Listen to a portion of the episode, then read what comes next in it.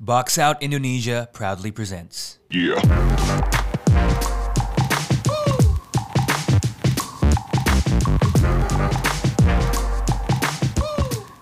Ya tadi kita habis ngomongin Brooklyn Nets. Kalau seperti biasa kalau misalkan lo udah ngikutin dari beberapa kali, bukan beberapa kali sih dua kali eh potnya Tetel Basket regarding off season gitu ya. Udah pasti kalau misalnya kita ngomongin Brooklyn Nets itu sepaket dengan New York Knicks. Eh off season mereka cukup cukup unik tuh say the least ya gitu kan. Cuman gue mau langsung ke Abi gitu kan. Bi, eh how's the Knicks with their off season? They are one of the off-season champions, bro. Gila lu. I mean like datengin Kemba 8 million and datengin Fournier which I think if he plays 80% kayak waktu dia main di Olimpiade aja. Uh, that's a big win. Dan maksud gue even though they lost Reggie Bullock ya, uh, they ha- they got their draft was solid and resigning Julius Randle dapat Nerlens Noel lagi so the contin uh, the- terus juga tetap uh, Alex Alec Burks, nge-keep Derrick Rose kontinuasinya tinggi banget. And I think Tom well, like what you expect from a Tom Thibodeau team lah ya yang desain tuh bukan pemain yang kayak diva is gitu loh. Th- those are players yang they want to give up their bodies for their team. gitu. Kemba is one of the most apa ya um, guard yang kecil uh, tapi um, dia mau mau take charges gitu. And he's walaupun dia defensive liability, but I think just it's just a good off season all around. Dan yang paling penting adalah mereka mengadres uh, their biggest weakness yang itu adalah uh, perimeter shot making. Both from uh, datengin veteran dan datengin pemain muda yang bisa uh, menye- menye- menyediakan skill set itu. So, man, I just love the New York Knicks off season. Leon Rose. Ya. ya. Jace, eh, mungkin dari yang tadi Abi udah omongin ada yang pengen lo point out juga nggak Jace? Off seasonnya Knicks.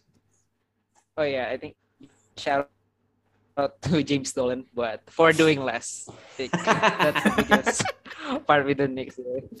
Um, I think having Kemba Walker and Fournier is very big for the Knicks because now they have uh, Walker, uh, Fournier, Rose, and Burks at any given night who can score 20 points and dish out assists, which is very big for the Knicks who mostly relied on Randall for offense for the most part of last season. Hmm, hmm, hmm, hmm, hmm.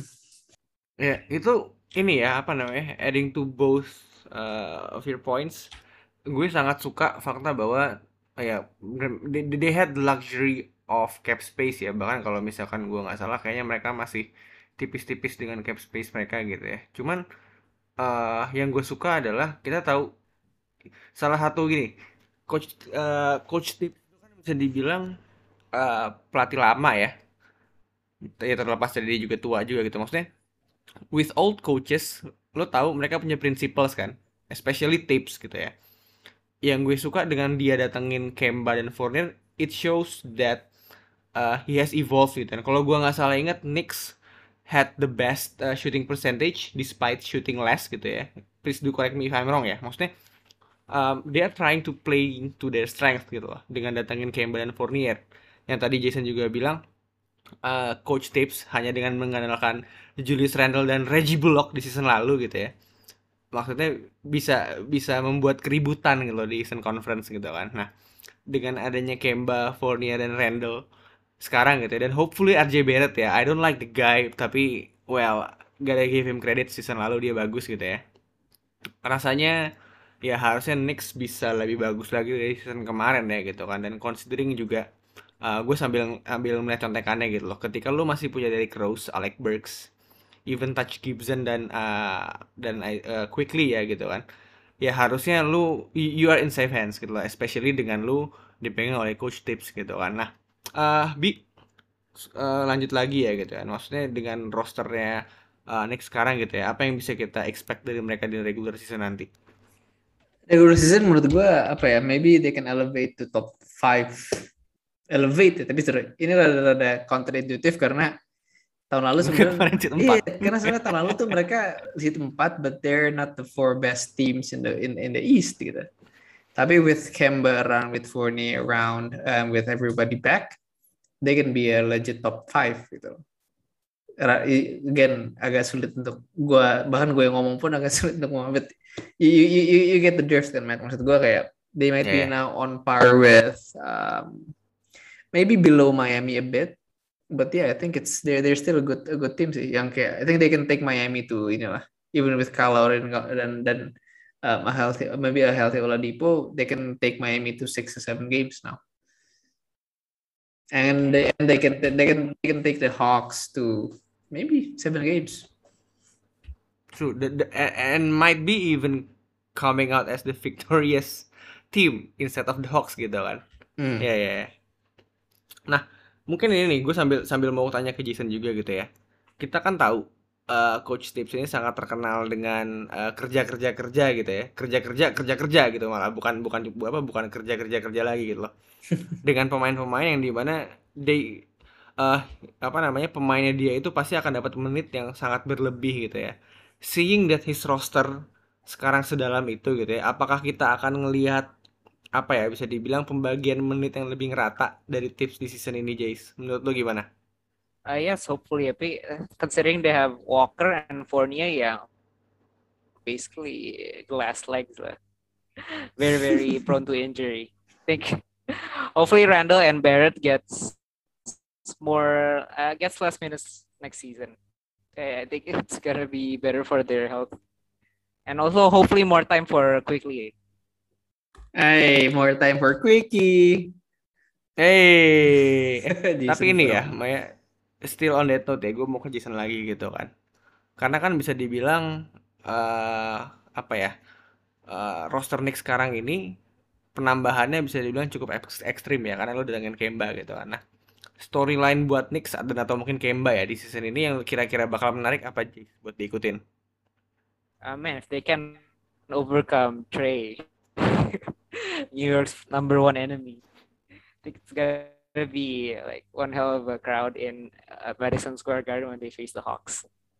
Ya, ya, interesting karena udah pasti tema besarnya adalah bagaimana Knicks bisa balas dendam sama Hawks ya, baik itu di regular season nanti dan atau juga who knows mungkin mereka ketemu lagi as the fourth and fifth seed kan di uh, playoffs nanti gitu ya. Nah, cuman uh, mungkin ada storyline lain yang menurut lo cukup menarik yang bisa kita ikutin dari Knicks nanti.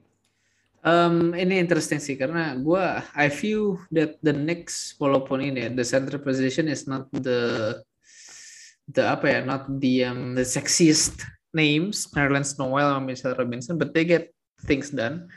Dan menurut gua um, I think uh, it's interesting kalau misalnya Mitchell Robinson bisa healthy a full season apakah dia bisa masuk second team all defense?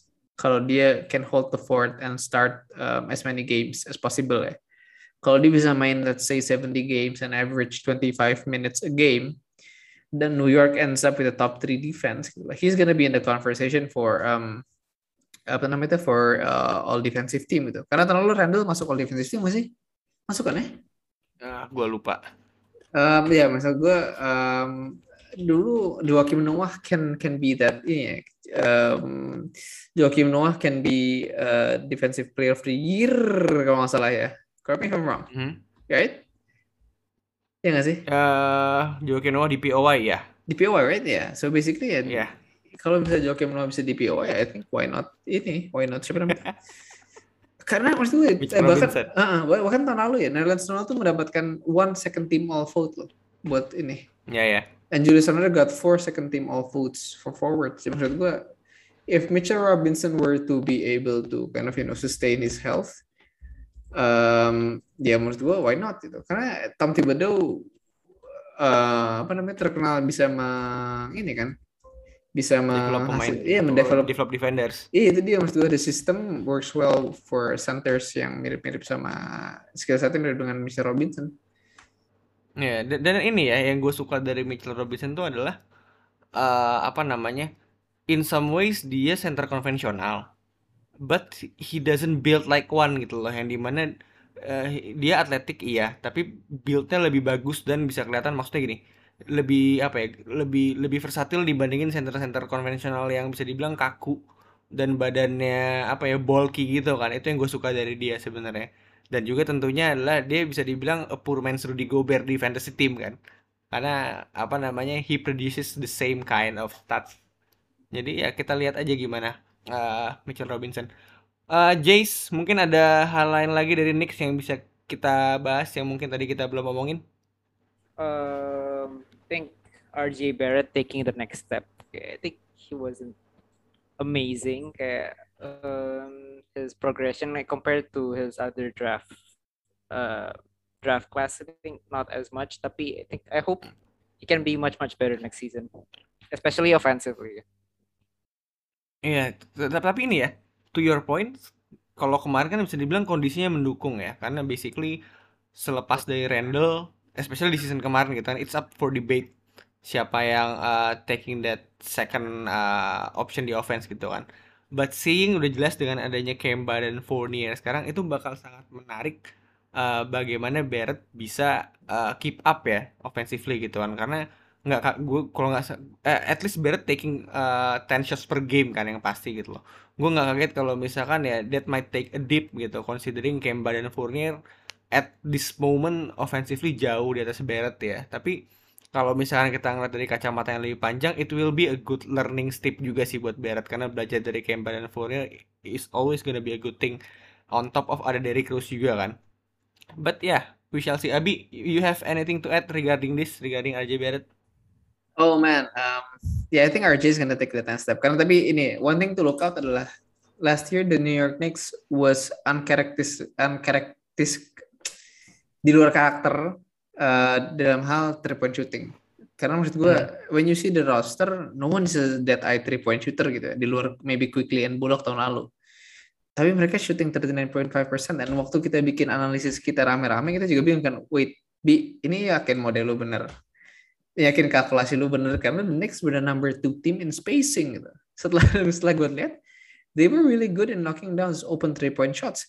But menurut gue kesuksesan mereka itu ada kaitannya terhadap itu gitu. Dan and that's why we see them fail miserably in the playoffs karena they don't have those um, knockdown. Uh, sorry, um, form mereka nggak sebagus ketika regular season.